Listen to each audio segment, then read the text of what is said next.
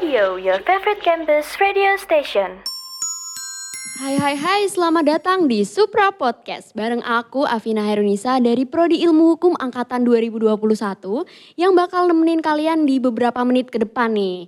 Di episode kali ini bakal lebih spesial nih karena Supra Podcast ngadain kolaborasi bareng Sugio Pranoto, Student Career Center dengan judul Obral. Obrolan bareng alumni. Jadi di obral kali ini kita mau ngulik-ngulik dan ngobrol seputar topik kehidupan setelah kuliah nih teman-teman. Pada kolab pertama ini aku udah bareng Kak Leonardo Andrian, alumni Fakultas Psikologi nih teman-teman.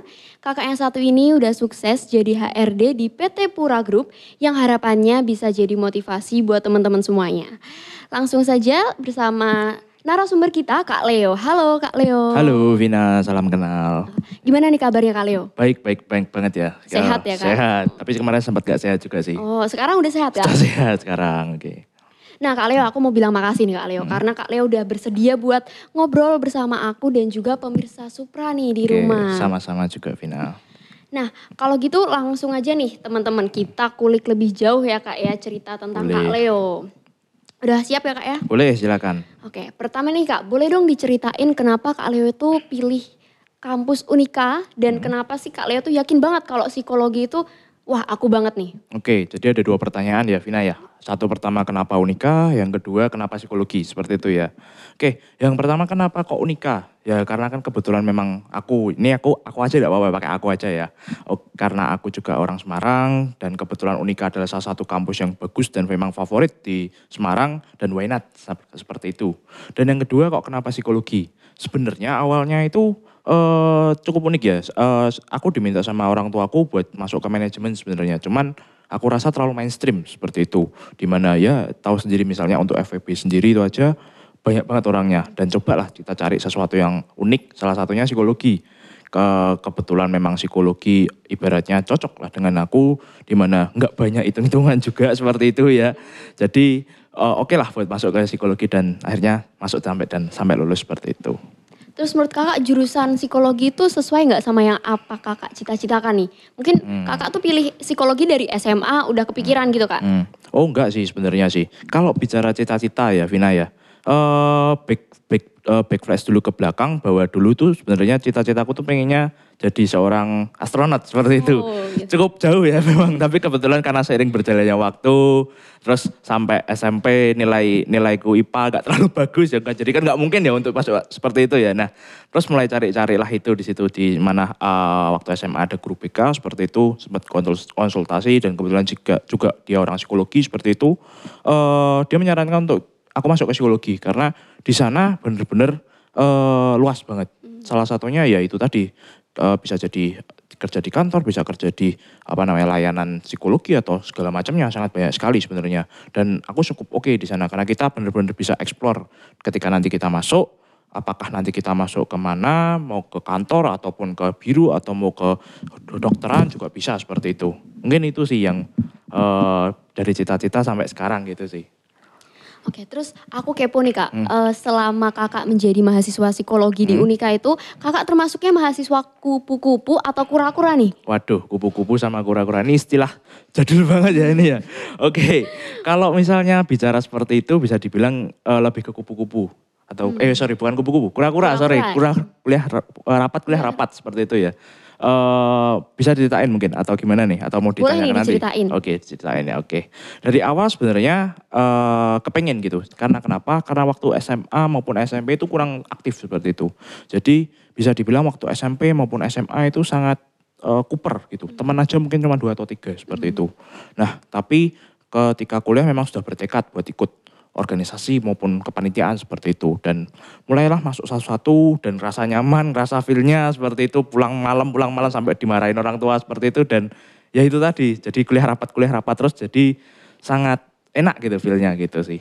Sama sih dulu aku juga waktu SMA, SMP tuh bahkan gak ikut organisasi satupun loh Hmm. Oh, kak. gitu. Tapi waktu kuliah tuh kayak berniat, ah pengen masuk ini, pengen Hmm. masuk ini. Tapi kan sekarang eh, jurusanku itu masih offline, eh online ya kak ya. Hmm. Jadi belum ada yang ngerasain kuliah sampai malam tuh belum ada. Belum pernah ya, nanti cobain tuh mantap tuh. Terus eh, ngomong-ngomong soal kura-kura nih kak, Hmm. kakak tuh lebih prefer ke organisasi luar kampus atau organisasi dalam kampus? Oke, ini sempat sering banget aku bahas ketika aku ngisi di mana-mana ya. Jadi eh, antara kura-kura maupun eh, kura-kura yang di dalam kampus maupun di luar kampus, aku prefer di dua-duanya. Kenapa? Karena dulu waktu awal kali masuk ke Unika, ya coba dulu di dalam dulu seperti itu. Ikut or- eh, ikut apa namanya kepanitiaan seperti itu mulai yang dari olahraga seperti LKTD ya kalau di Unika ya seperti LKTD lalu juga ikut jurnalistik seperti itu tapi di sisi lain juga aku juga ikut organisasi di luar yaitu salah satunya adalah klub motor seperti itu. Jadi dulu itu sempat ikut klub motor dan cukup senang dan situ eh, merasakan dua hal yang berbeda ya. Jadi antara eh, rapat di kampus maupun rapat di luar tuh rasanya beda. Yang satu ketemunya seumuran, yang satunya ketemunya tua-tua Bener, seperti itu. bener banget. Ya kurang lebih gitu sih. Oke, terus ngomong-ngomong soal tadi kan kita udah bahas tentang cita-cita ya kak. Hmm. Nah, terus menurut kakak organisasi yang dulu pernah kakak ikut di kuliah itu berpengaruh nggak sih sama pekerjaan kakak yang sekarang atau mungkin cita-cita kakak ke depannya itu berpengaruh nggak? Oke, terkait eh, organisasi ya, bisa dibilang itu sangat pengaruh ya. Eh, mungkin Vina pernah dengar ya, mungkin dari Instagram maupun dari eh, Twitter seperti itu ya. Kalau misalnya kita ikut kuliah, terus rapat-rapat seperti itu, isinya cuma jualan risoles seperti Iya, itu. bener. Jualan Muter-muter jualan risoles ya kak ya? Belum ngalamin tapi ya, Ri? Belum, belum. ngalamin ya. Semoga aja janganlah jualan risoles. Jangan. itu yang asik sebenarnya. Kenapa? Eh, jadi gini sebenarnya, eh, dari kita ikut eh, organisasi, kita rapat, kita jualan risoles tadi itu, kita dapat banyak hal banget. Salah satunya ketika kita rapat, kita belajar untuk mengasah namanya public, public speaking seperti itu. Jadi ya tadi sempat saya sampaikan ya, kalau eh, aku itu dulu nggak pernah ikut organisasi selama SMA saat itu. Nah, jadi nggak bisa lah untuk ngomong di depan. Nah ketika kuliah saya eh, aku bertekad gitu ya ikut dan memang belajar dan mengasah benar-benar public speaking. Ini saya aku nggak nggak nggak nganu ya nggak nggak ikut training ataupun apa purely dari organisasi itu tadi. Jadi memang benar-benar eh, belajar dari sana dan memang ya hasilnya cukup bagus. Lalu juga kekuatan marketing ya. Kita kalau bicara kalau bicara soal jualan risol kan gimana caranya? Ini risol aku gitu ya. Orang itu tertarik buat beli ya, Ya, walaupun dipaksa-paksa dikit Paksa. ya. Teman-teman suruh beli, wah saya beli-beli semua lah. Tapi apa ya itu kita apa namanya skill marketingnya. Ternyata memang di, di dunia kerja pun hal itu dilakukan seperti itu. Entah nanti diajak ngobrol dulu lah, entah nanti diajak ngopi-ngopi dulu lah. Ujung-ujungnya buat jualan seperti itu. Ujung-ujungnya promosi ya. Ah, betul. Benar-benar. Ya kurang lebih begitu sih. Kalau aku setuju nih sama eh, kakak yang tadi Hmm. gara-gara masuk organisasi ngelatih public speaking. Karena dulu aku tuh juga orangnya pemalu, bisa dibilang Hmm. pemalu. Tapi gara-gara kuliah nih masuk organisasi ketemu teman-teman banyak, aku bisa ngobrol sama kakak sekarang nih. Oh, keren. Oke, terus aku kepo nih kak. Hmm. Eh, ini kan terkait sama ketakutan seorang Hmm. mahasiswa kalau misalnya udah mau lulus. Itu apakah dulu kakak langsung dapat pekerjaan atau nganggur dulu atau gimana kak? Oh ya jelas ya seperti ini ya. Eh, aku juga ngalamin hal tersebut ketika lulus kuliah gitu ya. Wah kerja apa? Lulus sidang lah dari awal tuh. Wah setelah ini kerja apa ya seperti itu. Nah tapi di satu sisi seperti ini. Kalau misalnya kita cuman takut aja, nggak ada actionnya juga percuma. Dulu ketika aku pertama kali lulus sidang seperti itu, kebetulan aku sudah ikut yang namanya WO atau Wedding Organizer seperti itu. Nah eh, kemudian juga ditawarin peluang lagi tuh. Jadi yang namanya fotografer dan videografer seperti itu ya diikutin aja jalanin aja dapat uang 100 200 ribu nggak masalah. Setelah itu ditawarin lagi buat ikut yang namanya eh, asuransi. Mungkin teman-teman kurang kurang oke ya kalau bisa bisa dibilang eh, asuransi atau MLM segala macam itu kurang oke ya. Tapi di dalam sana sebenarnya itu banyak sekali training yang gratis dan harganya sebenarnya mahal gitu. Nah di situ kita ngelatih benar-benar gimana caranya eh ya tadi itu public speaking, marketing maupun cara kita bisa deketin orang maupun cara kita organis organize suatu sesuatu lah seperti itu dan itu benar-benar didapat gitu. Jadi ketika ditanya takut gak? Takut seperti itu. Tapi kita juga harus action. Kalau ada peluang ikutin aja seperti itu. Kalau ada peluang ikutin aja. Terus kalau misalnya nanti ada peluang yang kita benar-benar suka ya kejar itu. Jangan sampai kita lost gitu. Jangan sampai cuman kita hanya takut-takut aja gitu sih mungkin. Kalau kebanyakan takut nggak mulai-mulai ya kak? Ya betul. Terus aku sebagai mahasiswa 2021 nih, Hmm. aku juga eh, takut gimana kalau misalnya kerja tuh besok akhirnya gimana, takut Hmm. nggak dapat kerjaan. Nah mungkin kakak bisa ceritain nih kesulitan apa aja yang kakak alamin waktu kakak itu ngelamar pekerjaan. Hmm, oke. Jadi eh, aku ngambil prinsip kalau segala sesuatu itu kita lakukan trial dan error. Jadi kalau teman-teman tahu mungkin ya dari eh, mahasiswa baru atau mungkin yang mau lulus ini ya, aku ngelamar ngelamar di PT atau perusahaan tuh lebih dari yang 200 perusahaan. Bener-bener literally 200 perusahaan. Nah, eh, yang proses berapa? Nggak sampai separuh, separuh. Paling cuma 30 atau 40. Itu pun cuman awal biodata. Jadi kalau kita lulus, eh kita lulus screening seperti itu ya, kita akan ngisi biodata atau something seperti itu. Nah itu sekitar 30 atau 40. Setelah itu lulus, eh, lanjut ke psikotes juga nggak ada separuh lagi. Sekitar 10, 15, 20 kayak gitu kurang lebih ya, karena aku cukup lupa juga. Dan eh psikotes, ada yang lolos, ada yang enggak tentunya. Nah interview HR nih, paling eh, aku pernah ngalamin interview HR itu sekitar 10 kali. Nah itu yang lolos juga cuma satu seperti itu. Yang lolos satu itu yang sekarang ini kan? Iya, yang satu ini. Jadi memang sebenarnya prosesnya panjang. Kalau misalnya kita cuman takut nggak bisa ngapa-ngapain, terus cuman, waduh kok nggak dapat kerja, nggak dapat kerja seperti itu ya, ya kita nggak bisa ngapa-ngapain juga, juga bullshit seperti itu. Ya lamar aja terus. Ada peluang dikit lamar, ada peluang dikit lamar, nggak ada salahnya seperti itu. Itu sih. Terus pekerjaan kakak yang sekarang Hmm. ini yang dari 10 tadi terus keterima satu itu sebenarnya sesuai nggak sama passion kakak? Kalau bisa dibilang passion, cukup passion juga karena kebetulan kan eh, aku suka buat kerja di kantor seperti itu dan kebetulan di Pura Group ini ya, ini eh, pekerjaannya lebih ke kantor dan memang kita juga bisa keluar juga, jadi cukup fleksibel seperti itu. Santai ya? Santai, yo nggak santai juga kerja ya kita kita kerja tetap tetap profesional tapi ya bisa dibilang tetap di kantor yang sesuai passion sih seperti itu. Terus suka dukanya dong Hmm. boleh diceritain. Suka dukanya sama kerja ya. Sukanya dulu nih boleh. Oke, mungkin karena ini di mahasiswa juga nanti di share-nya aku juga akan bagi share sedikit antara mahasiswa dan orang kerja seperti itu. Kalau mungkin kita mahasiswa seperti itu ya, kita kan banyak eh, organisasi gitu kadang ada masih ada ngeyelnya seperti itu. Terus eh, kita untuk achieve sesuatu itu enggak enggak enggak yang harus achieve lah seperti itu. Nah, beda sama kalau kita kerja. Kalau kita kerja, eh, atasan ngomong A ya harus A seperti itu. Jadi kalau kamu ngeyel ibaratnya seperti itu, ya kamu akan kena teguran ataupun se- semacamnya seperti itu. Nah, yang jadi kita lebih beda lagi dengan ke kampus ya, kita bisa ngulik lebih jauh caranya buat mencapai A itu. Kalau atasan minta A, kan ada cara nih A, B, C, D sampai Z, plan A, plan B, plan C. Nah, gimana caranya buat kita sampai ke sana ada plan itu.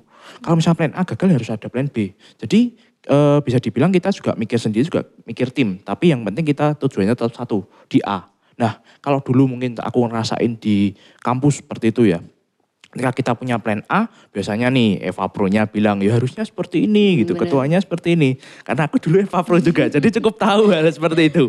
Nah, eh, ketika kita melakukan hal tersebut, ya kita harus itu gitu. Beda dengan kantor. Karena eh, kantor itu tujuannya A gitu. Tujuannya ya kamu harus A gitu. Gimana caranya se- sebagai seorang SR juga ya. eh, gimana caranya buat kandidat ini, spek ini, terus orangnya seperti apa. Ya itu kita harus cari cara. Mulai dari job street, kaliber, LinkedIn, ataupun segala semacamnya itu sangat banyak sekali sih. Jadi ya itu cukup perbedaannya gitu. Kalau misalnya bicara suka ya, eh kalau sukanya itu bisa dibilang karena kita kerja, tentunya kita akan eh, mau dapat sesuatu lah, yaitu eh, uang seperti Gaji itu, ya, gaji seperti itulah. Kalau udah eh, jatah-jatah mau eh, gajian tuh pasti seneng tuh Iya. seperti itu. Nah, selain itu juga eh, kita bisa eh, share lebih jauh sih. Misalnya nanti sama ya termasuk hari ini ya seperti itu ya kita share ke mahasiswa tentang bedanya apa seperti itu saya cukup suka sih. Aku cukup suka sih seperti itu untuk hal, hal tersebut seperti itu. Walaupun eh, aku nggak bermaksud menggurui seperti itu. Ya itu tadi sih. Kalau bicara duka apa ya dukanya ya? Ya itu tadi misalnya tadi apa namanya di di ditegur atau segala macam ya itu cukup duka lah seperti itu. Berarti lebih banyak sukanya ya kak? Ya. Bersyukur banget bisa kerja di PT Pura Group ya kak ya? Ya pastinya bersyukur kalau enggak pengangguran sekarang. Bener-bener. Karena waktu itu yang keterima baru satu itu ya, ya? baru satu. Terus eh, dari latar belakang kakak Hmm. yang psikologi nih, cocok nggak menurut kakak jadi HRD, bener nggak? Hmm, Nah. bisa dibilang cocok sih karena ya itu tadi kita belajar banyak hal di psikologi itu sebenarnya ya kita kalau teman-teman tahu atau dilihat Google, Instagram ataupun Twitter seperti itu ya biasanya itu eh kalau kita ikut psikologi, kita masuk psikologi ya kita bisa lihat orang seperti itu. Tapi sebenarnya banyak yaitu tadi di psikologi kita bisa tahu tentang marketing, kita bisa tahu tentang orang, kita bisa tahu tentang eh, cara mendekati orang ataupun dari eh, instansi-instansi seperti itu sih. Banyak banget sih gitu sih. Terus eh, menurut kakak banyak kan teman-teman yang masih kuliah nih yang jurusannya psikologi. Tapi mereka tuh masih bingung mau kerjanya di prospek kerja apa. Kakak bisa nggak sa- kasih saran ke mereka buat mending ini aja nih soalnya pro- prospek kerjanya bagus atau gimana nih kak? Oke, kalau bicara hal tersebut eh, sebenarnya nggak bisa untuk diberikan cara ya atau mungkin eh, saran seperti itu ya. Karena seperti ini, ini kan sebenarnya tentang passion atau tentang eh, keinginan kita seperti itu. Ada orang yang pengen kerja di kantor, ada orang yang pengen kerjanya di rumah sakit, ada yang pengen kerjanya sebagai seorang psikolog seperti itu. Nah, itu sangat berbeda berbeda-beda dan keinginannya. Nah, saran saya sih mungkin seperti ini. Eh, silakan teman-teman selama ini kuliah gitu ya atau mungkin masih ada waktu bagi mahasiswa akhir seperti itu untuk cari dulu passionnya seperti apa. Mengeksplor Atau- ya? Nah, betul, mengeksplor seperti itu.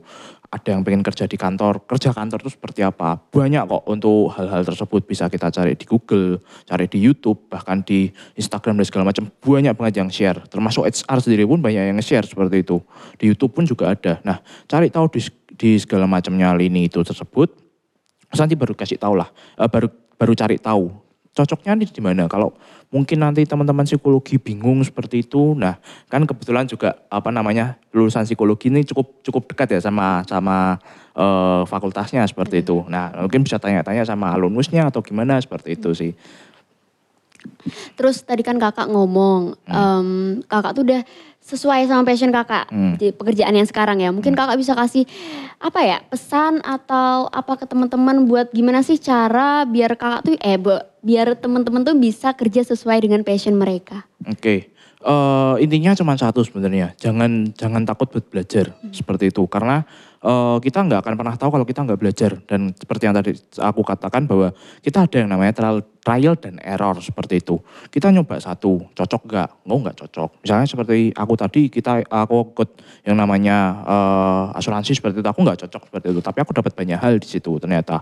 Nah kemudian juga kita coba belajar lagi, misalnya tadi sebagai seorang psikolog kan ada itu ada asisten psikolog dan segala macam. Silakan diikuti dulu satu dua bulan kalau misalnya nggak ngerasa nyaman ya sudah seperti itu. Kalau nggak yang, rasa nyaman ya seperti itu nggak usah. Kalau misalnya pengen di kantor seperti itu. Lah itu tadi banyak banget lah apa namanya seperti internship magang kayak gitu banyak banget lah kayak gitu. Diikutin aja magang kan biasanya 3 sampai enam bulan seperti itu. Nah diikutin aja. Kalau ngerasa nyaman ya oke dilanjutkan. Kalau enggak ya nggak usah seperti itu. Itu tadi sih mungkin sarannya Oke, nah eh, sebenarnya aku agak kepo nih, bukan Hmm. agak sih, kepo banget nih kak. Mungkin banyak teman-teman yang relate sama hal ini, karena kan kakak tahu sekarang itu kan pandemi. Hmm. Nah, eh, mungkin gak sih kalau misalnya nih kita mau ngelamar pekerjaan, di mana pandemi itu kan sulit banget nih dapat pekerjaan. Menurut kakak mendingan kita diterima di tempat yang menurut kita, aduh, nggak cocok nih sama aku. Hmm. Kadang kita pilih rasional aja, atau kita nunggu sampai kita tuh keterima di tempat yang kita mau, yang sesuai dengan passion kita. Oke, itu mungkin dua dua hal yang cukup berbeda ya bisa dibilang ya. Karena yang satu eh, apa namanya pekerjaan yang enggak sesuai cita-cita sama satunya adalah sesuai cita-cita seperti itu. Nah, mungkin kalau misalnya kita mau melamar di satu tempat seperti itu dan memang nggak cocok ya coba dulu dipelajari dulu. Kalau namanya pekerjaan itu pasti ada yang namanya offering letter seperti itu. Nah, offering letter itu biasanya terdiri dari macam-macam job desk lah atau segala macam dilihat dulu. Bisa nggak ya eh, kita ini ikut buat dalam sistemnya eh, pekerjaan tersebut? Bisa nggak ya kalau kita eh, selama tiga bulan ini bisa bertahan di sana? Nah seperti itu. Kita pelajari dulu. Kalau memang merasa yakin dan merasa bisa ya coba dijalankan dulu. Seperti aku tadi misalnya contoh ikut asuransi ya udah ikut dulu. Terus apa terlibat dari apa namanya semuanya kegagalan atau apa pun itu ya udah itu namanya pembelajaran. Kita nggak akan bisa tahu itu sampai mana seperti itu. Nah ketika kita ikut eh, yang nggak mungkin eh, kita mungkin ikut yang namanya pekerjaan yang nggak kita inginkan seperti itu ya. Nah coba buat ikut eh, tetap ngelamar lagi atau apa yang sesuai cita-cita kita. Nah delalah atau mungkin tiba-tiba ada eh, diterima satu. Nah itu kan menjadi plus point. Ketika kita nganggur gitu cukup lama itu kan jadi suatu pertimbangan juga buat HR kenapa kok lama banget? Kenapa kok eh, nggak nggak coba hal-hal dulu atau ikut-ikut apa dulu. Nah itu akan menjadi suatu pertanyaan juga sebenarnya buat HR itu sih. Seperti itu. Nah, eh, kita nggak terasa nih kak, udah udah ngobrol-ngobrol terakhir ini. Oh. Nggak kerasa ya kak Nggak ya? ngerasa ya, oke. Oke, terakhir nih kak, buat teman-teman semuanya dari semua yang udah kakak sampein tadi, mungkin boleh dong disampaikan pesan atau apa ya motivasi buat teman-teman khususnya teman-teman yang lagi kuliah? Oke, oke mungkin eh, cukup sedikit aja kalau dari saya ya. Kalau misalnya teman-teman ini lagi kuliah dan sekarang masih kuliah online seperti itu ya, semangat aja teman-teman, jangan sampai eh, lupa akan kewajibannya yaitu belajar karena juga ketika teman-teman nanti akan bekerja pasti akan ditanyain bisa apa aja selama kuliah atau segala macam seperti itu. Nah, silakan buat teman-teman ini ikut maupun eh, ikuti arus lah seperti itu bisa dibilang ya. Bisa eh, apa namanya jangan-jangan cuman sebagai mahasiswa yang kupu-kupu kuliah pulang kuliah pulang tapi juga sebagai orang yang bisa at least berguna lah buat dirinya sendiri seperti itu sih. Keren banget nih Hmm. ngobrol-ngobrol kali ini benar-benar bermanfaat ya kak ya, apalagi terima buat teman-teman. Nah, Baik teman-teman, kalau kalian merasa podcast ini bermanfaat, boleh dong di-share di sosial media kalian supaya nggak cuman kamu nih yang dapat manfaatnya, tapi juga yang lain. Oh ya, jangan lupa untuk follow Instagram kita di @suprafm dan juga @ssccunika Sugio-Pranoto. Jangan lupa dengerin Supra Podcast di Spotify karena bakal selalu update tentang podcast-podcast berikutnya. Nah, buat teman-teman yang masih penasaran atau mau tahu lebih lanjut tentang kehidupan Kak Leo nih, bisa dong dikepoin ke mana Kak? Oh, Instagramnya. kepoin ya. Mungkin teman-teman kalau misalnya pengen kepo bisa di Instagram Leo Andrian 15 atau mungkin di LinkedIn ya. Mungkin kalau teman-teman butuh uh, info-info di Leonardo Andrian seperti itu sih. Oke, baik terima kasih banyak Kak Leo dan terima kasih banyak teman-teman yang sudah mau mendengarkan sampai akhir. Itu aja ngobrol-ngobrol bareng alumni, bareng Kak Leo di episode kali ini dan tunggu di episode obral berikutnya. Aku Afina Herunisa bersama Kak Leonardo Andrian, kami pamit undur diri. Terima kasih dan sampai jumpa. Thank you. Terima kasih telah mendengarkan Supra Podcast. Pantau terus konten menarik kami melalui Twitter di @suprafm underscore, Instagram @suprafm, dan kanal YouTube Supra TV. Dengarkan terus podcast kami di Spotify. Terima kasih.